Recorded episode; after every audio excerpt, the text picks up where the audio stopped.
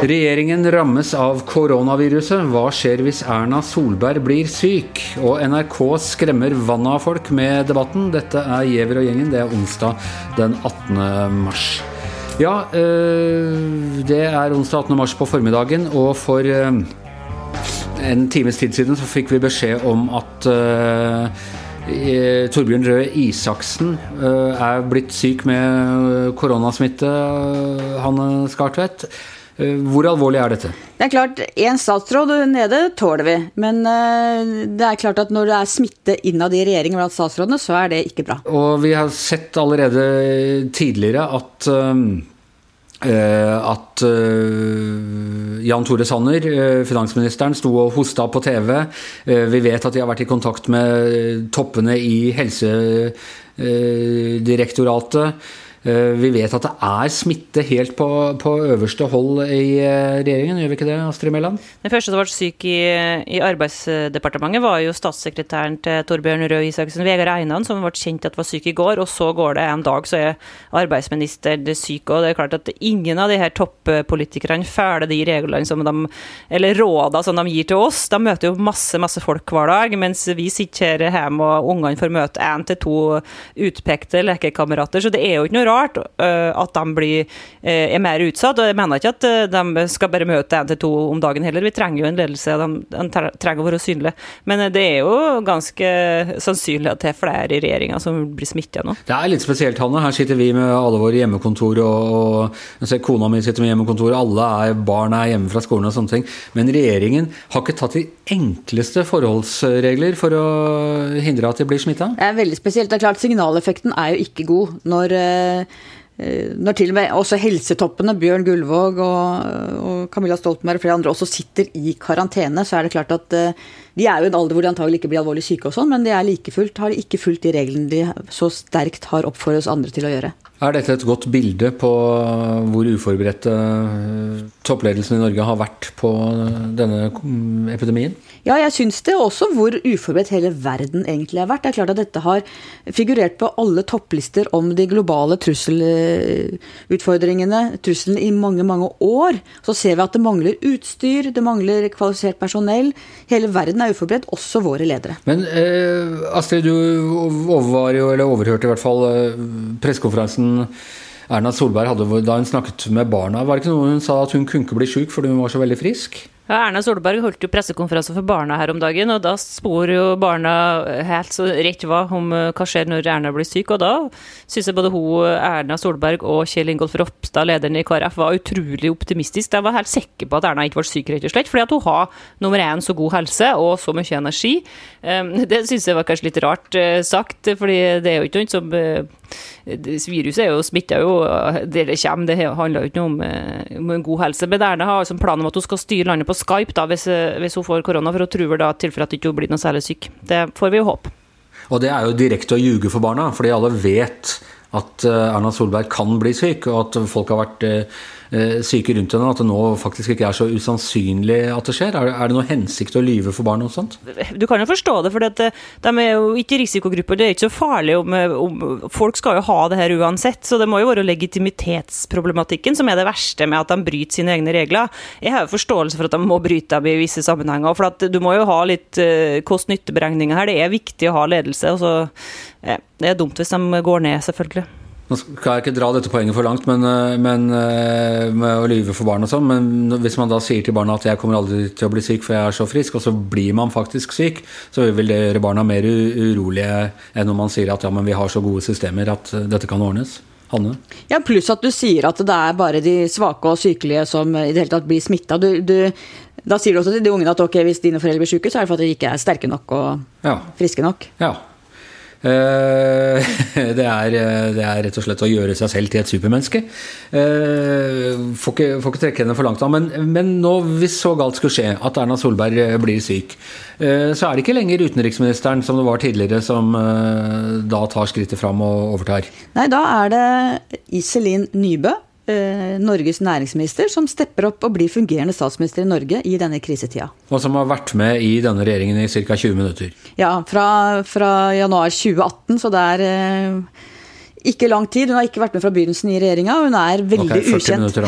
ja, og hun er ukjent ute blant folk flest. Hun er ikke en som folk tenker er en eh, naturlig leder i denne sammenhengen. Nå snakket jeg med vår gode kollega og faktisk også tidligere venstremann Yngve Kvistad før vi, før vi gikk i studio, eller hva jeg skal kalle det her, og han understreket at Venstre faktisk har hatt flere eh, statsministre gjennom historien enn Arbeiderpartiet. Men, eh, men, eh, det er altså da ingen på denne side av annen annen verdenskrig? Ja, ingen siden 1935. Nei. Og hva mener vi? Er det Burde det vært Jan Tore Sanner eller Ine Marie Eriksen, eller altså, kan det ikke akkurat bli Torbjørn Røe Isaksen, som burde ha Eh, burde ha påtatt seg denne oppgaven? Er det litt viktigere enn sånne avtaler innad i sånne samarbeidsregjeringer hvor hvert eneste lille filleparti skal ha en sjanse til å bli statsminister? Ja, dette er en ekstraordinær situasjon, og da krever det også ekstraordinære tiltak. Og for egen del syns jeg det er litt underlig at en som kommer fra et parti som ligger under sperregrensa, som da har et veldig lite mandat, mandat fra Eh, folket, og som folk ikke vet hvem er, skal steppe opp som statsminister. Jeg tror mange hadde følt seg mye tryggere dersom det var en type Ine Marie Eriksen Søreide eller Jan Tore Sanner som steppa opp. Men det er jo det parlamentariske systemet gjør det ikke sånn at det nødvendigvis må være fra det største partiet? Nei da, det er ikke det. Og du så Da Kjell Magne Bondevik var eh, sykemeldt i sin tid da han var statsminister, så var det Senterpartileder Anne Enger Landstein som fungerte som statsminister. Hun var, hadde jo en lang og solid erfaring fra ledelse. Eh, det er annerledes i en, i en flerpartiregjering enn i en regjering hvor det bare er ett parti. Og her er jo regelen at lederen for det største eh, av de andre partiene skal steppe opp. Nå, Iselin Nybø hun får veldig gode skussmål innad. og Jeg hørte Tone Sofie Aglen mente hun er en, en veldig kompetent uh, politiker. og sånne ting, Men Abid Raja for eksempel, er en mye mer kjent politiker. Hvis først skal ha en som folk kjente og som hadde en forankring i grasrota. Jo, men Det er vel ikke kjendisfaktoren i seg sjøl som skal avgjøre. Det er jo det er mye godt å si om Abid Raja, men jeg er ikke sikker på om han er den som folk hadde følt seg tryggest med. Han har heller ikke noe særlig regjeringserfaring. Han har jo akkurat han har kommet inn for ti minutter siden, Anders. Ja, det er for så vidt riktig, men han er en likende fyr. Eh, Astrid? Jeg tror kanskje Siv Jensen har vært likere nå enn Iselin Nybø, men hun har jo akkurat gått av, så det går jo ikke an. Ellers så har jo uh, Monica Mæland, justisministeren, blitt utnevnt som en sånn slags eh, overhøvding for det hele, som organiserer Eh, arbeidet mot korona. Hun syns jeg er veldig dyktig og flink, men eh, heller ikke hun er vel så kjent som Siv Jensen.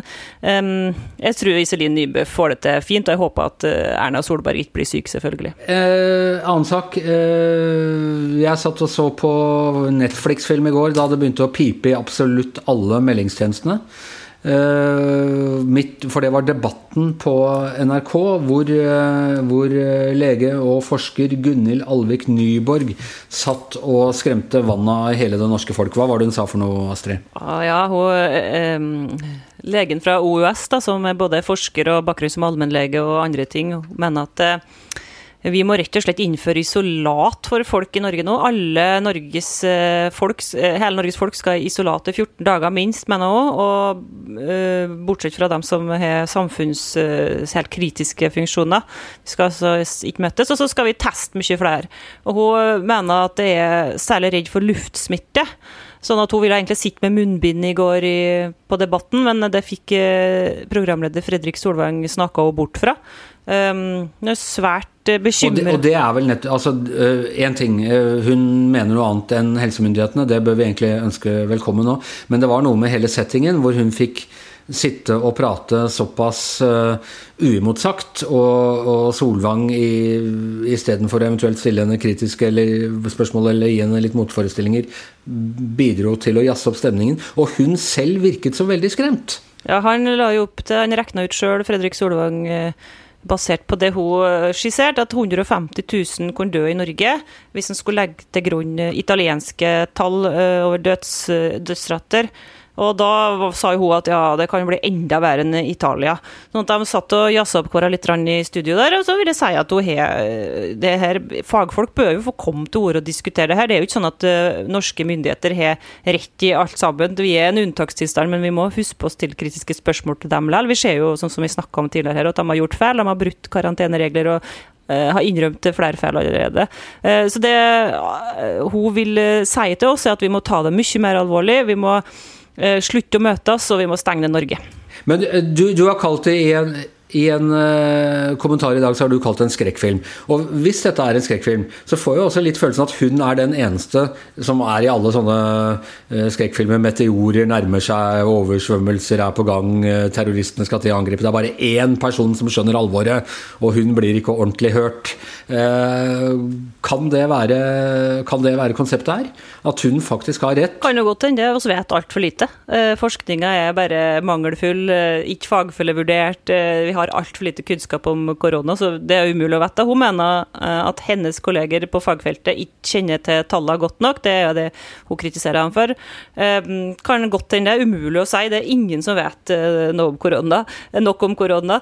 Men det er jo en del ting av det hun sier som jeg syns det går an å stille spørsmål ved. Og det som var problemet med debatten, slik jeg så det, at det var et forferdelig skremmende budskap som ble framlagt i 35 minutter før noen andre fikk komme kom inn. Og da kom to, til slutt to sånne helsetopper i Norge som satt på sånn eh, TV-link, for at de er jo i karantene, og fikk sagt litt gjennom skurret. Um, så det var liksom ikke godt nok. Vi satt igjen med en følelse Jeg tror mange skrudde av. Hører at mange skrudde av for at de ble så redde, så de fikk jo ikke med seg motforestillingene uansett. Altså, nei, Hanne, hva, hva syns du om skrekkfilmen? Det er klart at Når hun eh, tegner det bildet som hun tror fullt og fast på, så er det ikke så rart at hun blir livredd, for det var jo veldig veldig dystert. Og Jeg er enig med Astrid at det å få flere stemmer inn er veldig viktig, men det må jo også være gode motforestillinger eller være en reell debatt. Men dette, Var dette mer NRKs problem enn hennes problem, kanskje? At, at, de ikke, at, de ikke, presenterte henne i en, eh, en, ramme hvor du faktisk har ja, det, var, det, skriver jo du i, i, kommentaren din, at det var for lite debatt i debatten, Astrid? Astrid? Jeg ser jo mange som, som reagerer positivt på det som eh, hun sa på TV i går, og på debatten. Mange som Eh, er oppgitt over at folk ikke følger hjemmeisoleringsrådene, karanteneråda, og heier på det hun sier. Så hun får jo komme til ordet, da, virkelig. Ja, Gullvåg hadde det veldig staselig hjemme, la jeg merke til. Det var eh, sånn omtrent kandelaber og tyllgardiner og i det hele tatt. Det er stor forskjell på folk. Jeg kjenner folk som griner og må på arbeid nå for tida, fordi de er så, så viktige jobber, og andre som sier pøy, nei, vi skal til Sverige og stått på slalåm i året. Altså stor forskjell på hvordan folk reagerer, og folk er jo forskjellige. Alle de tinga som vi har i det daglige til vanlig med stress og frykt og sånn, det forsterkes jo litt for alle nå da, når vi står i den situasjonen her, så eh, jeg ser jo det at mange er redde, og jeg tror mange ble redde av eh, det som eh, hun sa på TV i går, og, og bruke metaforer som Blykjer og krigen og sånn. Ehm, jeg vet ikke om det er nødvendig. Det kan jo hende går utover psyken til folk i den grad at de blir psykisk syke heller enn for får korona. Eh, det er en utfordring det, Hanna, at vi ikke skal skremme folk for mye samtidig som vi skal gi realistisk informasjon? Ja, det er en veldig veldig vanskelig balansegang. Og også når det gjelder tiltakene, som jo må både være begrense smitten mest mulig, men også ivareta andre samfunnsbehov. Det er klart at Hvis du har fullstendig lockdown, så har du sosiale konsekvenser, økonomiske konsekvenser, eh, andre konsekvenser for mennesker som kan være vel så alvorlige. Sånn at den balanseringen er veldig, veldig krevende. Og du må ha tiltak som har legitimitet hos folk, som gjør at folk føler at det er verdt å gjøre det. For hvis du drar det for langt, så vil folk slutte å gjøre det. Hvis du ikke tar det alvorlig nok, så blir det panikk. Og for å bidra til litt motvekt mot panikken, så har vi innført en ny spalte her i eh, Gjever og gjengen, hvor vi anbefaler litt sånn hyggelige ting man kan gjøre mens man venter på dommedag. Uh, Hanne, har du noe godt tips for folk til å sysle med? Ja, skikkelig folkelighet. I går hadde vi full vaffelbaking med tolvåringen, og så så vi på eh, Farmen kjendis i opptak på, på TV2 Subo. Ja, kanskje dette er redning Det var ganske gøy med altså Mimmi Kristiansson og Per Sandberg, og ganske sånn artig persongalleri. sånn at, eh, ja. Det høres i hvert fall ut som et dommedagstegn. eh, og jeg tror jeg vil anbefale en avis. Eh, den eneste papiravisen jeg faktisk får på døra hver dag, det er Klassekampen. Og jeg setter ekstra Den satte ny opplagsrekord eh, i går. Jeg husker ikke, over 30 000 nå. Fantastisk opplag i forhold til en avis som alltid lå på sånn 8 000-10 000 da, da jeg var ung. Eh, og det er en avis med veldig mye jeg er uenig i, og det syns jeg er veldig godt å sitte og lese om morgenen nå. Og lese en god gammeldags papiravis og jazze seg litt opp og liksom komme i gang med dagen. Så gratulerer til Klassekampen, og jeg anbefaler alle å teste. Og da kjøp VG òg. Når du først vil ha en papiravis, kjøp VG òg. Ja da, men jeg tror folk nå går på, er på VG absolutt hele tiden. Og vi kan også legge til da, siden vi må ha med litt selvskryt, at VG igjen er eh, Norges største avis på, på alle, alle plattformer. Og med det så er eh, Giæver og gjengen over for i dag. Vi er tilbake i morgen i hvert sitt hjemmestudio. Hanne Skartvedt, Astrid Mæland, Anders Giæver og vår Birger Eriksen, mannen som senket Blücher på Oscarsborg. Magne Antonsen, han sitter i vår Oscarsborg og sier det hele sammen.